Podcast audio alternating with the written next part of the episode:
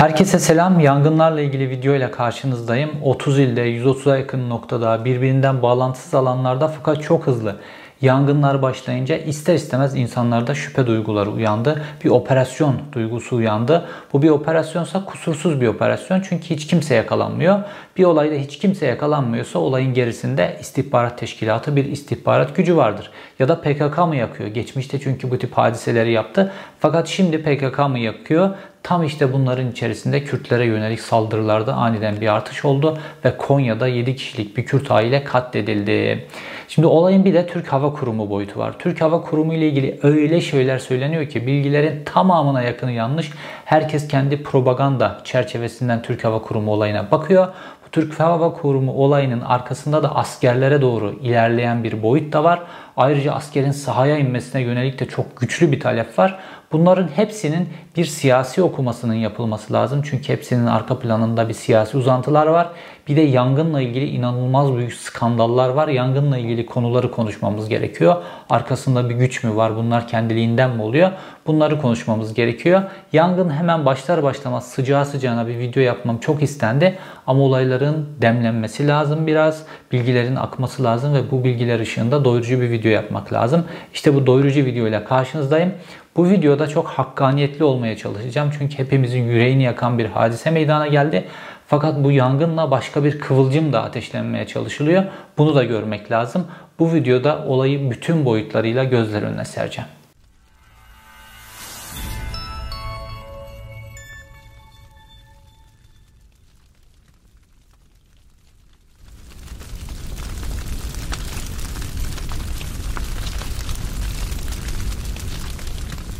Manavgat görüntüleriyle başladık. Çünkü yangınlar ilk olarak 28 Temmuz'da Manavgat'ta başladı. Sonrasında Türkiye'nin 30 şehrinde 130'a yakın noktada bu korkunç görüntüler ortaya çıktı.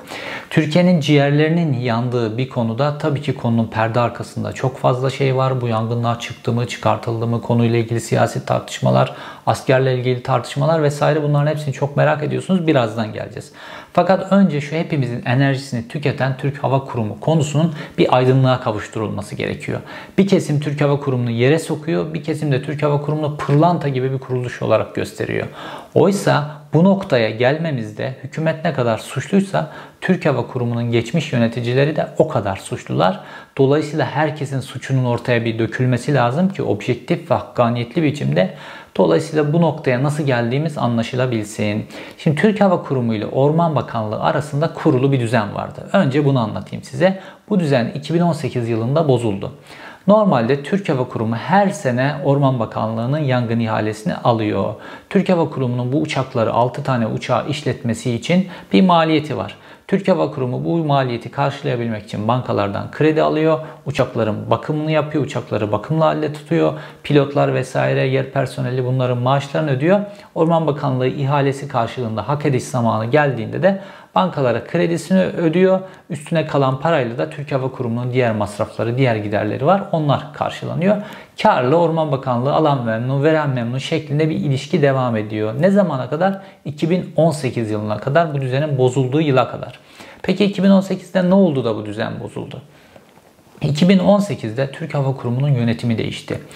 Ahmet Bertan Nogaylaroğlu isimli General Türk Hava Kurumu'nun başına geldi ve genel sekreter olarak da yanına Rıfat Yılmaz isimli bir albayı aldı. Bir general ve bir albayın yönetiminde Türk Hava Kurumu girdi 2018 yılında. Türk Hava Kurumu'nun geçmişinde çok fazla asker yönetici var. Bu kabul. Fakat Bertan Nogaylaroğlu ve yardımcısı Rafet Yavuz dönemindeki en önemli değişiklik Türk Hava Kurumu'nun kadrosuna çok fazla askeri personel alınması. Bu askeri personellere 10 bin lira, 10 bin liranın üzerinde paralar veriliyor. Dolayısıyla Türk Hava Kurumu'nun ekonomik dengeleri tamamen sarsılıyor. Ve ihale zamanı geldiğinde Türk Hava Kurumu normalde uçaklarının bakımını yapmış olarak ihaleye girmesi gerekiyor iken bu paralar başka yerlerde harcandığı için Türk Hava Kurumu uçakları bakımsız olarak ihaleye giriliyor. Ve Bertan Nogaylaroğlu ve yardımcısı şöyle bir fikir üretiyorlar. Nasıl olsa bu ihalede biz rakipsiziz. Bu ihale bizden başkasına verilmiyor. Cumhuriyet tarihi boyunca verilmemiş. Dolayısıyla biz bu fiyatı yükseltelim diyorlar. Çünkü masraflar artmış. Bir sürü kadroyu asker doldurmuşlar. Bunlara para ödenmesi lazım. Dolayısıyla normalde 45 milyon lira gibi bir e, normalde bir önceki yılın arttırımına bakarsak 45 milyon lira gibi bir teklif vermeleri gerekirken 90 milyon liralık bir teklifle Orman Bakanlığı'nın karşısına oturuyorlar. Artı da 1000 saate yakın uçuş garantisi bir de bu uçuş garantilerine de ayrıca para ödenecek. Orman Bakanlığı pazarlığa giriyor. Pazarlıkta 70 milyona indiriyorlar. Daha da aşağıya indirmiyorlar. Artı uçuş garantisi 1000 saate yakın bu uçuş garantisi de işin içerisinde var. Dolayısıyla Orman Bakanlığı ile Türk Hava Kurumu arasındaki ip ilk defa kopma noktasına geliyor. Ve Orman Bakanlığı da diyor ki bu fiyat fahiş o zaman biz başka alternatifler ararız diyor. Bu başka alternatifler ararız cümlesi Türk Hava Kurumu'nun tamamen çökmesi demek. Çünkü o zaman uçaklar uçmayacak, ihale alınmamış olacak. Fakat bu uçakların hangar masrafları, bu uçakların personellerine, pilotlarına bunların hepsi aralarında Kanadalı pilotlar da var. Bunların hepsine para ödenmesi gerekiyor. Türk Hava Kurumu'nun iyice batması demek. Türk Hava Kurumu'nun bu iki berbat yöneticisi bu sefer iyice paniğe kapılıyorlar ve medya yönüyle bakana savaş başlatıyorlar. Büyük bir stratejik hata yapıyorlar. Ve işte Sputnik radyosuna röportajlar veriyorlar vesaire. Bulabildikleri bütün muhalif medyaya e, röportajlar veriyorlar ve bakanı karşılarına Bakan Pakdemir'i tamamen karşılarına alıyorlar. Bakan da genç, tecrübesiz böyle birisi. Bakan da bu işi böyle mahalle kavgasına çeviriyor. Çocuk gibi küsüyor. Dolayısıyla ikisinin arasındaki ip tamamen kopuyor ve bakan bu sefer başka bir yerden ihaleyle bu uçakları temin etme yoluna gidiyor. Ve bu Türk Hava Kurumu'nu tamamen batma noktasına getiriyor.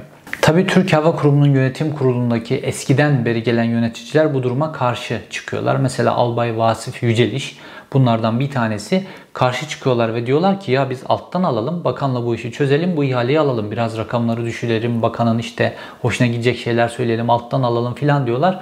Fakat Bertan Nogaylaroğlu ve yardımcısı Rafet Yavuz buna tamamen karşı çıkıyorlar ve medya yoluyla biz bakanı dize getireceğiz diyorlar. Fakat böyle olmuyor. Böyle olmadığı gibi Türk Hava Kurumu'nun içerisinde de kavga başlıyor. Bu sefer Bertan Nogaylaroğlu Türk Hava Kurumu'nun bütün yöneticilerini tas tasfiye ediyor. Eskiden getirilen o yönetim kurulu üyeleri ki bunların içerisinde de askerler var. Eskiden beri Türk Hava Kurumu'nda olan genelde e, havacı pilotlar. Bunların hepsini tasfiye ediyor. Dolayısıyla siyasetin karşısında şöyle bir tablo oluşuyor. Kendi içerisinde birbiriyle kavgalı yönetimden habire tasfiye edilen insanların olduğu bir kurum. Bir taraftan da bakanla kavgalı bir kurum. Bakan da zaten sinirli olduğu için bakan bu sefer yeni yapılan ihaleye 5000 litre şartı koyuyor. İhale bu meşhur 5000 litre şartı koyulunca Türk Hava Kurumu'nun uçakları 4900 litre su taşıyabiliyorlar.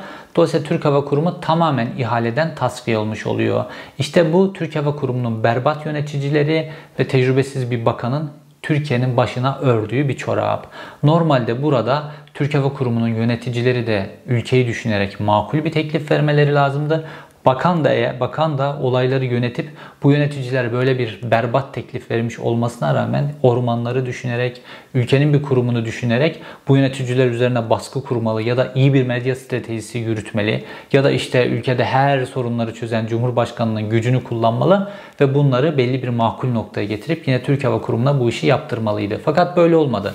Böyle olmadığı gibi işte bu Türk Hava Kurumu içerisindeki kriz, Bertan Nogaylıoğlu'nun iyice, iyice büyüttüğü ekonomik çöküntü nedeniyle Türk Hava Kurumu'nun borçları 1.7 milyar TL'ye yükseliyor ve bankalar artık kredi vermiyor. Bankalar kredi vermeyince Türk Hava Kurumu artık maaşları bile ödeyemez bir noktaya gelince bu sefer Türk Hava Kurumu'na kayyum atanıyor. Zaten Türk Hava Kurumu'yla AKP iktidarının ideolojik olarak geçmişten beri bu kurban derileri meselesinden tartışma noktaları var. Bunu da fırsata çeviriyor Adalet ve Kalkınma Partisi. Dolayısıyla da Cenap Aşçı isimli kişiyi Türk Hava Kurumu'na kayyum olarak atıyorlar. Fakat kayyum yönetime geldikten sonra yine bu krizi çözebilir ve bu ihaleyi yeniden e, Türk Hava Kurumu'na alabilirdi. Fakat kayyum da bunun yerine ne yapıyor? Bakanla diyaloğa girip bu işi çözüp işleri rayına koyma yerine bakıyor ki maaşlar ödenemiyor. O zaman tutuyor bu yerde bekleyen, uçamayan ne kadar uçuş kadrosu varsa çünkü en yüksek maaşları alanlar bunlar e, pilotlar. Dolayısıyla bunların hepsini işten çıkartıyor. Çünkü bunlara maaş ödemesi demek 2 yılda yaklaşık olarak 25 milyon liranın sadece bu kişilerin yer ekibi, pilotlar vesaire bunlara para ödemesi demek. Bu parayı ödememek için o da onları işten çıkartıyor. Ne oluyor? Türkiye'nin yangınla mücadele alanında yetiştirdiği insanlar, Türkiye'nin yangınla mücadele alanında yetiştirdiği pilotlar bir anda kapının önüne koymuş oluyor. Bütün tecrübe yok ediliyor. Türkiye'de oturmuş bir gelenek yok ediliyor. Türkiye'nin yangınla mücadele stratejisi yok ediliyor. Neden? Bertan Nogaylaroğlu isimli berbat yöneticinin yüzünden neden Türk Hava Kurumu'nu idare etmeyi, bu krizi çözmeyi beceremeyen tıfıl bir bakan yüzünden ve bütün bunları da seyreden siyasi iktidar yüzünden, saray yüzünden. Çünkü bütün yetkiler üzerine almış. Orada Türk Hava Kurumu gibi küçük bir kurumda neler oluyor falan bu kriz filan bunları Türkiye'nin geleceği ormanlarını filan düşünecek vakti zamanı filan bile yok. Sağlığı da el vermiyor zaten. Böyle bir durum. Tartışmanın bir başka boyutu da rant meselesi. Bu uçuşlardan elde edilen rant meselesi. Türk Hava Kurumu'nun uçaklarına 4 milyon dolar para harcansaydı dolayısıyla bu uçaklar uçup hizmet verecekti. Fakat bu CMC savunmaya işte 24 milyon dolar para verildi. 4 milyon dolar nerede? 24 milyon dolar nerede? Halbuki olay tam olarak böyle değil. Türk Hava Kurumu'nun uçakları evet 4 milyon dolara uçuş açık hazır hale getirilecekti. Fakat bu Türk Hava Kurumu'nun uçaklarında pilot maliyeti var, yer personellerinin maliyeti var. Türk Hava Kurumu'nun bundan kar etmesi lazım. Ayrıca Türk Hava Kurumu'na da uçuş saati başına yangın başlarsa eğer para verilecek ki bu uçuş saati de garanti ediliyor. 1000 saate yakın garanti ediliyor. Dolayısıyla burada da bir maliyet var. Bu maliyette aşağı yukarı 13 milyon dolar filan seviyesinde oluyor. Türk Hava Kurumu'nun alacağı para. Dolayısıyla burada 24 milyon ödenmiş e, bu CMC savunmaya. O aradaki fark esas götürülen para. Yoksa sadece 4 milyon verince Türk Hava Kurumu ile ilgili iş bitmiyor. Türk Hava Kurumu'nun da üstüne koyması gereken maliyetler var. Hakkaniyet açısından bunun da kayıtlara geçirilmesi lazım. Ama biliyorsunuz bu konuların hepsinde eğer iş böyle bir ihale ortamına dökülünce ihaleden malı götürme konusunda zaten iktidar uzman bu konuyu zaten biliyorsunuz. İşte Türk Hava Kurumu meselesinin özeti budur. Sadece bir taraf suçlu değildir. Ortada böyle pırlanta gibi filan bir kurum yoktur. Türk Hava Kurumu geçmişten beri berbat biçimde yönetilir. Türk Hava Kurumu çok iyi niyetlerle kurulmuştur. Türkiye'de havacılığın geliştirilmesine çok önemli katkılar sağlamıştır. İşte Türkiye'nin ilk uçak fabrikası vesaire Türk Hava Kurumu'nun katkılarıyla kurulmuştur. Fakat daha sonra Türkiye'nin stratejisi değişti ister istemez modern çağa uygun olarak. Dolayısıyla işte TAI gibi bir kurum, TUSAŞ gibi bir kurum, Aselsan gibi kurum bunlar kuruldular ve esas yüksek teknolojiyi bunlar üretmeye, yüksek teknolojiyle ilgili şeyleri bunlar yapmaya başladılar. İşte F-16'lar, F-16'ların öncesinde bir İngiliz uçak vardı. Bu Türkiye'de birleştiriliyordu parçaları vesaire savaş uçağı. Bunları filan hep bu diğer kurumlar üstlendiler, yaptılar ve Türk Hava Kurumu'nun alanı değiştirildi ve işte Türk Hava Kurumu'nun da esas olarak yaptığı mücadele bu orman yangınları ile ilgili mücadele ve sivil havacılıkla ilgili bazı yetiştirme işleriydi. Fakat Türk Hava Kurumu işte hep e, kurban derileri, fitreler, zekatlar filan bunlarla beslenen bir kurumdu ve bugün orman yangınlarının söndürülmesinde işte bütün bu geçmişte ödenen kurban derileri, fitreler, zekatlar vesaire bunların hepsi payı var fakat berbat yöneticiler, berbat siyasetçiler yüzünden bunların hepsi ber, ber, berhava edildi. Mesela ben hatırlarım çocukluğumda bizim mahallenin bir e, imamı vardı.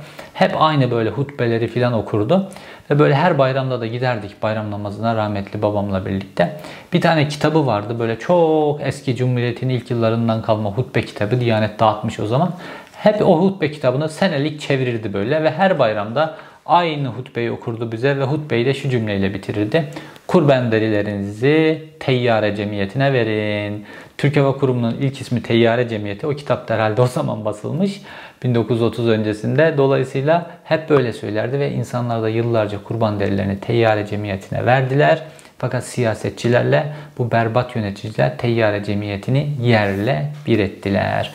Bertan Nogaylaroğlu balyoz davasında da yargılanmış bir tane asker işte kendisiyle beraber yargılanan, kendisine yakın olan askerleri Türk Hava Kurumu'nda onar bin lira, onar binlerin üzerinde maaşlar verdi.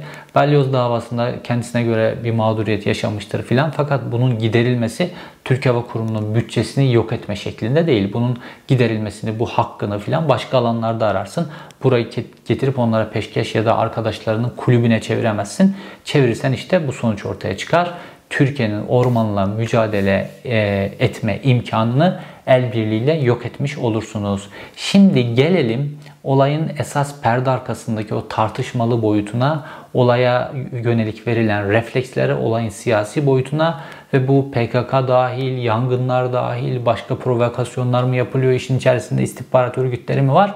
Bu tartışmaların hepsini anlamlamaya ve anlamlandırmaya bu konu özellikle çok önemli. Çünkü buradan çok büyük bir kıvılcım ateşlenmeye çalışılıyor. Evlerimiz, arabalarımız, kalan hayvanlarımız bunlar. İşin kötü tarafı şimdi bir yangın daha geliyor. Her yerden bu taraftan geliyor. Bu yangın da gelirse biz nereye kaçacağız? Sabahki yangın bu taraftan geldi, yukarıdan geldi. Şimdi son kalan delbederim bu hayvanlarım. Burada seranın içinde. Ben bunları şimdi bir dahaki geliyor işte geliyor. Allah'ım ya Rabbim bir tane daha geliyor. Şimdi ben bu son kalanları nasıl kurtaracağım? Gözünüzü sevdiğimin insanları bir şey yapın ya. Bir gelen olsun şunlara bir yem, barınak bir şey getirin ne olursunuz ya. Artık sabahtan beri ya kendi imkanları bir damla samanımız kalmadı, bir damla bir şeyimiz kalmadı. Sabahtan beri ya, sabahtan beri ya. Sağ kalanları hepsini bekleyin şimdi size şeyi de göstereceğim, bekleyin. Ölenin evini de göstereceğim. Orada karnından doğmuş, doğmuş, karnından öldükten sonra doğmuş. Al, bir yangın daha geliyor şimdi bu tarafta ya.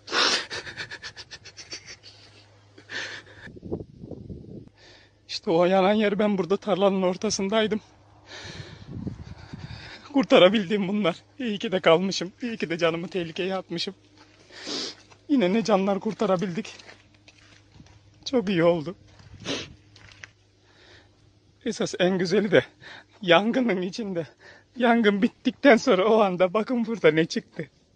Bakın bu yavrucağım doğdu burada. Yangının ortasında bu bir mucize oldu. Çocuğum. Çocuğum. İşte bu doğdu. Sağ salim doğdu. Ölenlerin yerine bu geldi. Yangına verilen refleksler ve olayın siyasi boyutunda en dikkat çeken şey Doğu Perinçek'in verdiği tepkiydi. Şimdi yangın böyle birden fazla noktada aynı anda bu kadar hızlı çok başlayınca dolayısıyla insanlarda şüphe meydana geldi. Şüpheyle birlikte bir operasyon Türkiye'ye çekiliyor. Duygusu meydana geldi.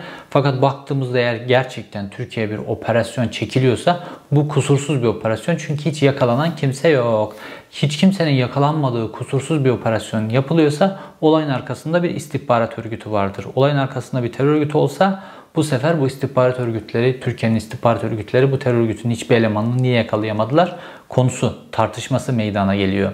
Fakat Adalet ve Kalkınma Partisi açısından iş öylesine bir iki ucu boklu değnek noktasında ki şimdi eğer PKK yaptı dese Adalet ve Kalkınma Partisi bu sefer insanlar diyecek ki bu istihbarat uyuyor mu? Bunları niye yakalayamıyor ya da niye istihbaratını almadı, niye engelleyemiyor? Milli İstihbarat Teşkilatı uyuyor mu, Emniyet İstihbarat uyuyor mu? Fatura yine AKP'ye çekilecek. Yok bunlar yapmadı deseler bu sefer yangının engellenmemesi, önlemler alınması filan bunlarla ilgili yine iktidar eleştiriliyor. Normalde geçmişte ne olursa olsun hiçbir şeyin faturasını insanlar iktidara kesmiyorlardı. Toplumun geneli. Abi Tayyip Erdoğan anamın üstünde yakalan anlamdadır. Tamam mı abi? O adama hiç kimse bir şey diyemez. Hani su içse yarıyor deniyordu ya AKP'ye. Ülkede kriz de çıksa AKP'nin oyları artıyordu. Ülkede bir skandal olsa AKP'nin oyları artıyor. Yangın olsun, felaket olsun, olsun bu olsun. Niye? Çünkü ülkenin ekonomik durumu iyiydi. İnsanların ceplerinde belli bir miktar para olunca, ekonominin çarkları dönünce, iş hayatındaki çarklar dönünce insanlar hiç faturayı esas kesmeleri gereken yere kesmiyorlar. Mesela Soma. Soma'da göz göre göre yetkililerin ihlali nedeniyle 301 tane madenci katledildi. Fakat Soma'da Adalet ve Kalkınma Partisi bir sonraki seçimde en yüksek oyu aldı. Türkiye'de maalesef bütün bu olaylardaki karar verme mekanizması para üzerinden yürüyor. Ekonominin durumu iyiyse, iktidar ekonomiyi güzel yönetiyorsa kimse hiçbir konuda skandal ne kadar vahim olursa olsun kimse hiçbir konuda faturayı iktidara kesmez. Fakat şu an para yok ya ekonominin durumu kötü ya bunu herkes hayatında, mutfağında bizzat hissediyor ya artık ne yaparsa yapsın bu yangından ne olursa olsun PKK'da yaksa, PKK'da yakmasa, kendiliğinden de olsa bütün fatura Adalet ve Kalkınma Partisi'ne kesilecek. Son 1-1,5-2 yıldaki bütün olaylara bakın. İktidar partisi artık ne olursa olsun onun faturasını ödemekten kurtulamıyor. Şimdi Burada olayı, olayın boyutlarından bir tanesi herkesin verdiği refleksler. Önce en hızlı refleks veren kişiye bakalım. En hızlı refleks veren kişi Doğu Perinçek grubu oldu. Daha yangın Manavgat'ta başlar başlamaz Doğu Perinçek açıklama yaptı ve bu işi PKK yaptı dedi. Ve bugün de o başladığı gün itibariyle Doğu Perinçek'in durduğu nokta aynı. En net, en hızlı refleks veren kesim Doğu Perinçek'ti. Geçmişte de Doğu Perinçek grubu Güneydoğu'daki ormanları askerlerin yaktığıyla ilgili haberler yapıyordu. Onun yönettiği medya organları 1990'lı yıllarda vesaire. Peki Adalet ve Kalkınma Partisi, Adalet ve Kalkınma Partisi'nin medya ekibi, gazetecileri nasıl refleksler verdiler? Şimdi ilk gün hiçbir refleks veremediler. İşte ormanla ilgili haberleri paylaşıyorlar filan. İkinci gün oldu yine bir doğru düzgün refleks yok. İşte bu troll hesapları Milli İstihbarat Teşkilatı'yla ondan sonra İçişleri Bakanı Süleyman Soylu'nun bir troll ağı var. Bunların hepsi doğru düzgün bir refleks veremediler ve ikinci gün ee, bir tane yine istihbarat teşkilatına yakın olarak bilinen Emre yazıyor diye bir hesap var.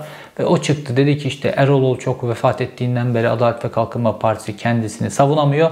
Aslında yangınla mücadele çok güzel mücadele ediliyor. Başarılıyız dedi. Ve ondan sonra Adalet ve Kalkınma Partisi'nin bütün hesapları yangınla çok iyi mücadele ediyoruz. Çok büyük e, başarılıyız diye propaganda yapmaya başladılar. Geldiğimizde 3. güne Konya'daki katliam oldu. Dedeoğlu ailesinden, Kars'ta Dedeoğulları ailesinden 7 kişinin katledildiği bir hadise meydana geldi.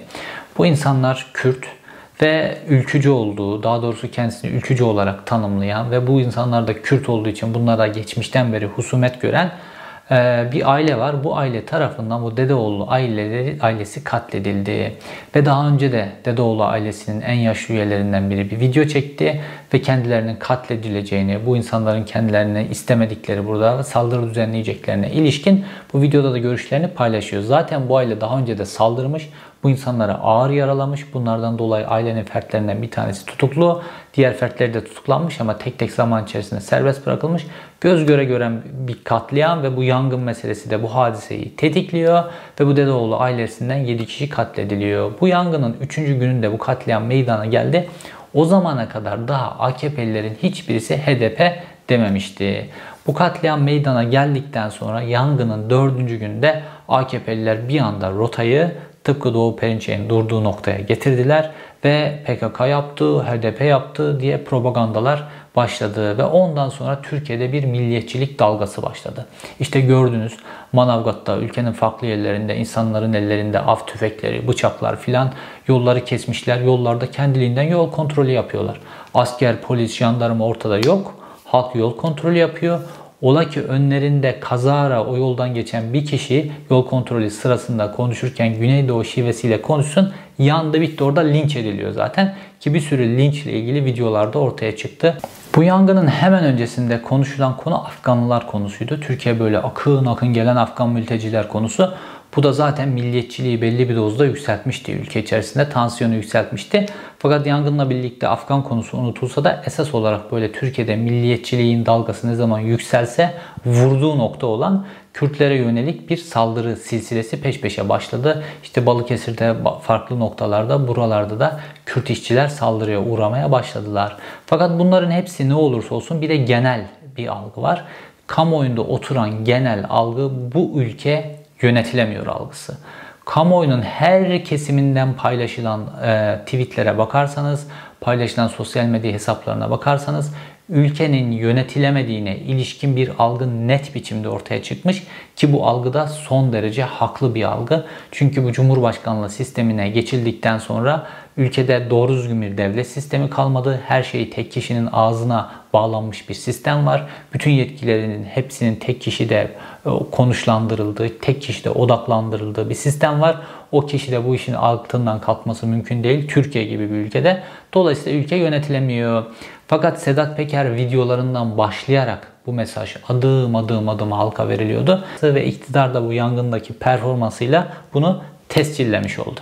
Devlet bitmiş algısı pekiştirilince bu yangınları PKK mı yaptı sorusunun bir alıcısı oluyor ister istemez. Peki bu yangınları PKK mı yapıyor? Şimdi geçmişte PKK'nın yaktığı bazı orman hadiseleri oldu. Evet. Dolayısıyla bu sefer de PKK yapmış olabilir algısına bir zemin var buradan. Fakat genel olarak PKK'nın stratejisine baktığımızda, olayları, eylemleri üstlenme stratejisine baktığımızda burada bir uyuşmazlık var. Şimdi normalde PKK 2015 yılındaki Hendek hadisesinde ağır bir yenilgi aldıktan sonra Türkiye'yi esasen şu anki gündeminden çıkardı ve Suriye'de işte bir Kürt devletinin kurulması ya da orada bir otonom yapı kurulması ile ilgili hadiseler var. Onu realize etmeye çalışıyor PKK ve şu an Barzani ile de yaşadığı bazı sorunlar var. Bu da kendisi açısından son derece kritik. Türkiye PKK için 3. planda filan böyle bir durumda. 2015 yılından sonra PKK'nın Türkiye ile ilgili ciddi bir gündemi olmadı esas olarak. Fakat Ateş'in Çocukları isimli bir hesap çıktı ortaya ve bir video paylaşıldı. Videoda 3 kişi var. Üçünün de yüzleri kapalı. Arkada 2 kişi var. Önde bir kişi var. Yüzü işte onun da poşu gibi bir şeyle kapalı ve bir metin okuyor ve metini de Kürt şivesiyle okuyor. Bu video yayınlandı. Normalde baktığımızda PKK'nın böyle bir usulü yok. Bu tip böyle yüzü kapalı videolar, arkada iki kişi filan, beyaz duvar filan bunlar işit tarzı. Bunlar aslında El-Kaide tarzı eylem üstlenme tarzları. Ee, PKK'nın yaptığıyla ilgili devletin resmi organlarından, mesela İçişleri Bakanlığı'ndan, mesela Emniyet'ten, mesela MİT'ten ortaya kamuoyunu ikna eden bir argüman ortaya konmadı ve PKK yaptı söylemi eğer resmi olarak çok oturursa ve böyle sosyal medyada döne, dönen tarzdan değil de AKP'nin resmi ağızları tarafından sahiplenilirse, AKP'nin resmi gazetecileri tarafından sahiplenirse bunun da bir faturası var. O faturayı kim ödeyecek? İçişleri Bakanı Süleyman Soylu ödeyecek. Milli İstihbarat Teşkilatı Başkanı Hakan Fidan ödeyecek. Dolayısıyla Ateş'in çocukları videosu paylaşıldıktan sonra bazı AKP'li gazeteciler üzerine atladılar. Mesela İbrahim Karagül bunlardan bir tanesiydi. Hemen üzerine bir sürü yorum yaptı. Sonra bunların hepsi o yorumlarını, tweetlerini vesaire sildiler. Çünkü faturanın ödeneceği kişiler belli. O zaman niye istihbarat almadınız? Bu kişileri niye yakalamadınız? Nerede ortada deliller filan? Bu sefer yangın söndürme başarısızlığından dayağı şu an Bakan Pakdemirli yiyor. Dayağı şu an Tayyip Erdoğan yiyor. Bu sefer eğer PKK yapmış olursa dayağı bu sefer Süleyman Soylu, dayağı bu sefer Hakan Fidan yiyecekti. Oraya alanı çekmediler. Dayağı Pakdemirli ve Tayyip Erdoğan'ın üzerine bıraktılar. Fakat bu ırkçılığın artmasını engellemedi. Bir kere bu söylenti sosyal medyada dönünce insanlar öfkeli, köylülerin evleri yanmış vesaire. Ki bu köylü kısmı böyle muhafazakar olur genel olarak. Dolayısıyla insanlar ellerine sopa alıp, ellerine bıçak alıp, ellerine av tüfeği alıp yani linçler başladı. Kürtlere yönelik özellikle linçler başladı. Bu bunu engelleyemedi. Türkiye'nin genelinde tansiyonu yükseltti. Ve aynı şekilde tansiyonun yükseldiği başka bir alan daha var. Asker meselesi. Şimdi ben ilk defa bu kadar yoğun biçimde askeri göreve çağıran böyle bir güruh görüyorum böyle kamuoyu baskısı görüyorum çok uzun zamandır. Normalde işte en küçük meseleden bile konu oraya getiriliyor. Hatta bu TT bile oldu. Mesela Azerbaycan Türkiye'ye yardım gönderiyor. Azerbaycan'ın gönderdiği yardımlar içerisinde itfaiye erleri yanında Azerbaycan'ın askerleri de var. Bu yangın söndürme eğitimi almış. Dolayısıyla bu askerler alanda yangın söndürme ile ilgili yardımlar yapılıyor. Ya Azerbaycan askeri gelip burada yangını söndürürken Türk askeri niye yangın söndürmede görev almıyor? Türk askeri Suriye'deki yangını söndürmeye gönderiliyor. Libya'daki yangını, Karadağ'daki yangını, hatta şimdi Afganistan'daki yangını söndürmeye gönderiliyor da kendi toprakların içerisindeki yangının söndürmeye niye gönderilmiyor? Haklı bir soru. Şimdi bu soruyu soran daha doğrusu bu yorumları yapanlardan ilki de belki de bendim. Ve yangınla ilgili bir tweet serisi yaptım. Orada da dedim ki AKP anlaşılan şekilde özellikle hayvanların işte askeri kamyonlarla başka yere taşınması ile ilgili filan görevler yapılabilirdi. Fakat askerleri alana çıkarmaması AKP'nin bu paranoyası, darbe vesaire ilgili paranoyası nedeniyle oluyor diye bir yorum yapmıştım. Fakat sonrasında çığ gibi bir e, Twitter akımı oldu, sosyal medya akımı oldu. Hatta yorumcular, televizyon yorumcuları, muhalif yorumcuların hepsi aynı noktada birleştiler. Ve diyorlar ki asker niye bu konuda bu yangın söndürmede görev almıyor? Çünkü geçmişteki bazı yangınlarda görev almış. Hatta işte deniz kuvvetlerinin özellikle kıyıdan yangınlara müdahale etme konusunda gemileri var. Hava kuvvetlerinin işte alanda çıkan yangınlar, kara kuvvetlerinin yangınlarla ilgili birimleri var filan. Bunlar bir şekilde buralarda kullanılabilirdi. Askeri araçlar, arazözler, dozerler vesaire bunların hepsi kullanılabilirdi. Bunların hiçbirisi yapılmadı. Tayyip Erdoğan askeri kışlasında tuttu. Fakat Twitter'da TT noktasına gelen askeri göreve çağıran e, etiketler açıldı.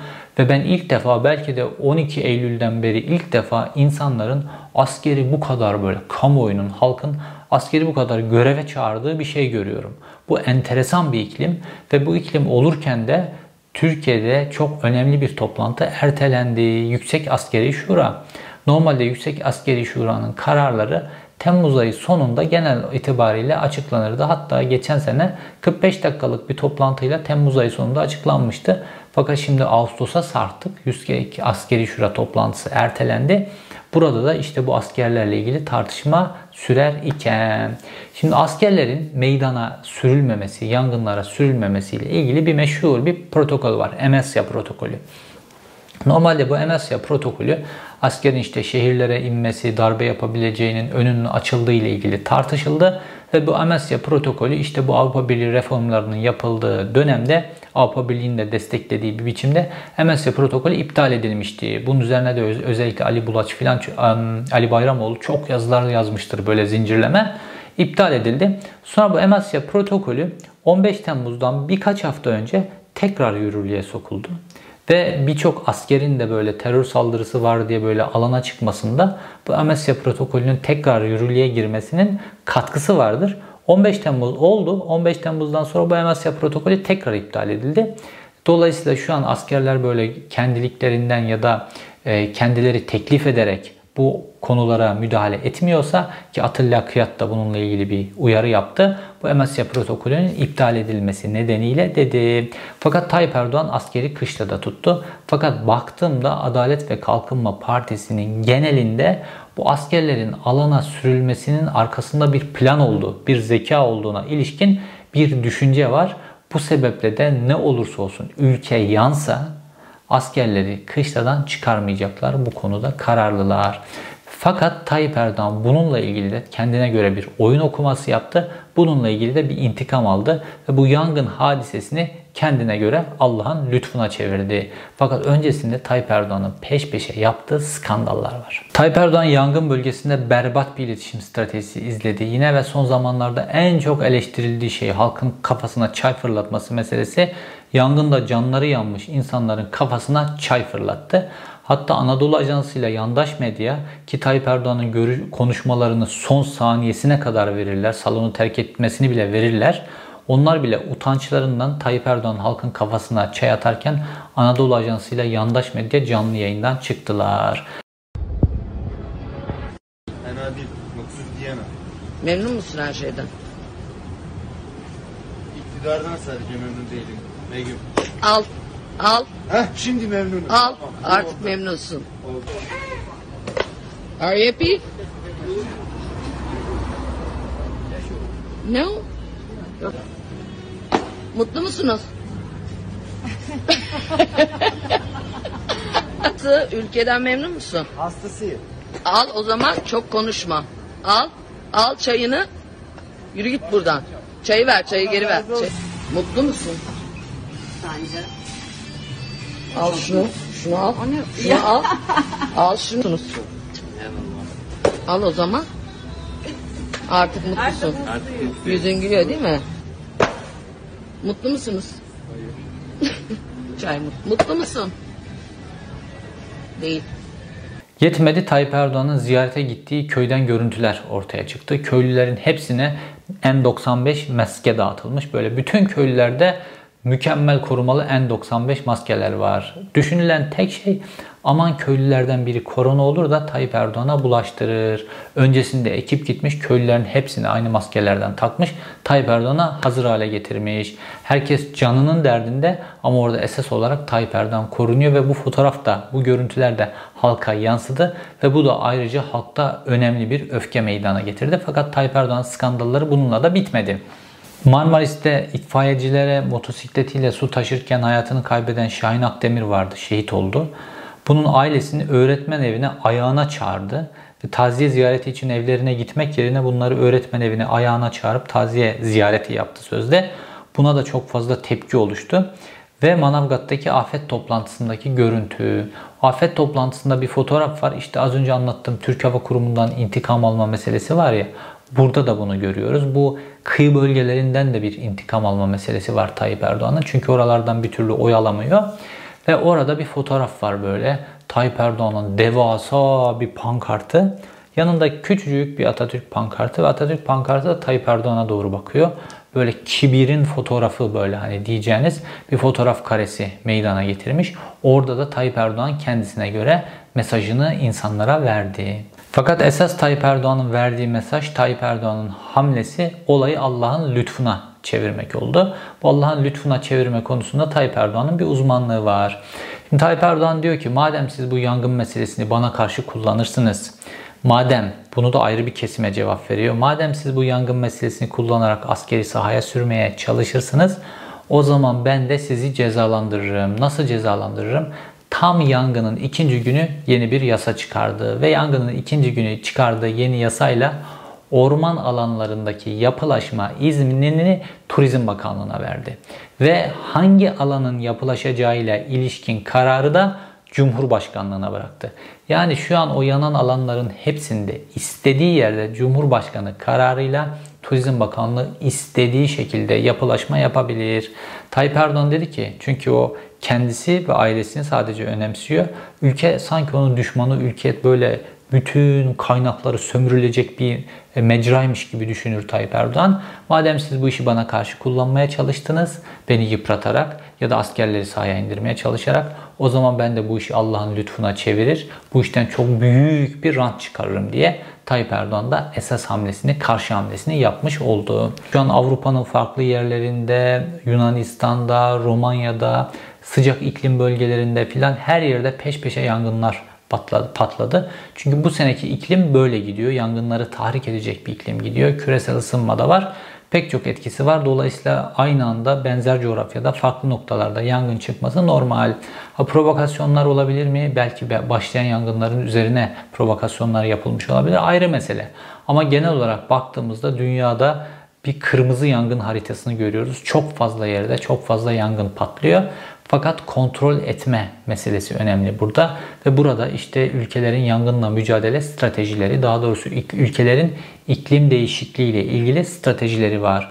Baktığımızda Yunanistan'ın bile bizden çok daha fazla yangın söndürme kabiliyeti var. Her ülke bu yangın söndürme kabiliyetini arttırıyor. Her ülke ormanlarını koruyabilmek için orman çeşitliliğini, yeni fidan türleri vesaire bunları ormanları yenileme vesaire yeni ağaç türleriyle yenileme gibi konuları düşünüyor.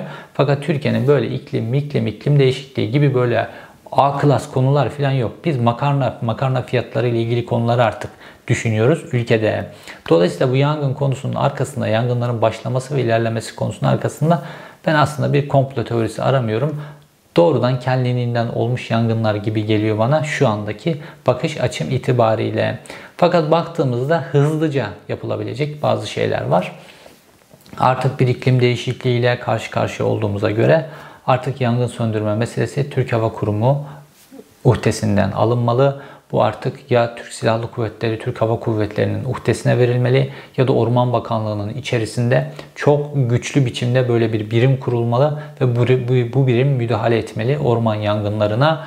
Bu uçaklar Türk Silahlı Kuvvetleri'nin ya da Orman Bakanlığı'nın envanterine geçirilmeli. Bu uçakların, helikopterlerinin sayısı arttırılmalı. Tabi hakkaniyetli olmak lazım dedim ya bu talan meselesi sadece Adalet ve Kalkınma Partisi ile ilgili bir şey değil. Mesela İstanbul'daki en büyük Boğaz'daki orman talanlarından bir tanesini Bedrettin Dalan yapmıştır belediye başkanlığı döneminde. Ya da Cumhuriyet'in ilk yıllarına bakalım. Cumhuriyet'in ilk yıllarında işte bir devlet ortadan kalkmış, Osmanlı devleti bitmiş, yeni bir devlet kuruluyor. Arada bir boşluk var. Köylüler bunu fırsat bilmişler. Ormanları kesmişler, yok etmişler, yakmışlar. Kendilerine tarım alanı, tarla oluşturmuşlar. Hatta bu İsmet İnönü'nün konuşmalarında da geçiyor. Oraya gidiyoruz bakıyoruz ki orman diye bir şey kalmamış ortada diyor. Ve sonra bu talanın durdurulması için İsmet İnönü çok sert tedbirler alıyor. Buraları devlet envanterine geçiriyor vesaire. Bu talan meselesi Türkiye'nin geçmişinden beri gelen bir hadise ve bu ormanlarda en büyük talan edilen Türkiye'nin değerleri olmuştur. Yeter ki buralar talan edilmesin, yeter ki buralar ranta açılmasın, tabiatı kendi haline bıraksınlar. Tıpkı Avusturya'da yanan organ, ormanların tekrar geri dönüşünün başlaması gibi bu alanlarda da tabiat kendi yaralarını onaracak ve buralar yeniden ormanlık alanlara dönüşecektir. İzlediğiniz için teşekkür ederim. Bir sonraki videoda görüşmek üzere. Lanet köpekler siz yaktınız. Siz yaktınız. Siz yaktınız. Pislik. Lanetler. Hayvan. Lanetler görün. Ülkenin hainleri geliyor. Lanetler. Ülkenin hainleri geliyor. Bu Marmaris'i yakanlar geliyor. Bu Marmaris'i yakan hainler. Hayvanlar! O saraylar sizin cehenneminiz olsun. Bu kadar ambulans, bu kadar canlara neredeydiniz? Neredeydiniz? Hainler, alçaklar, o kadar can gitti yoktunuz. Yoktunuz.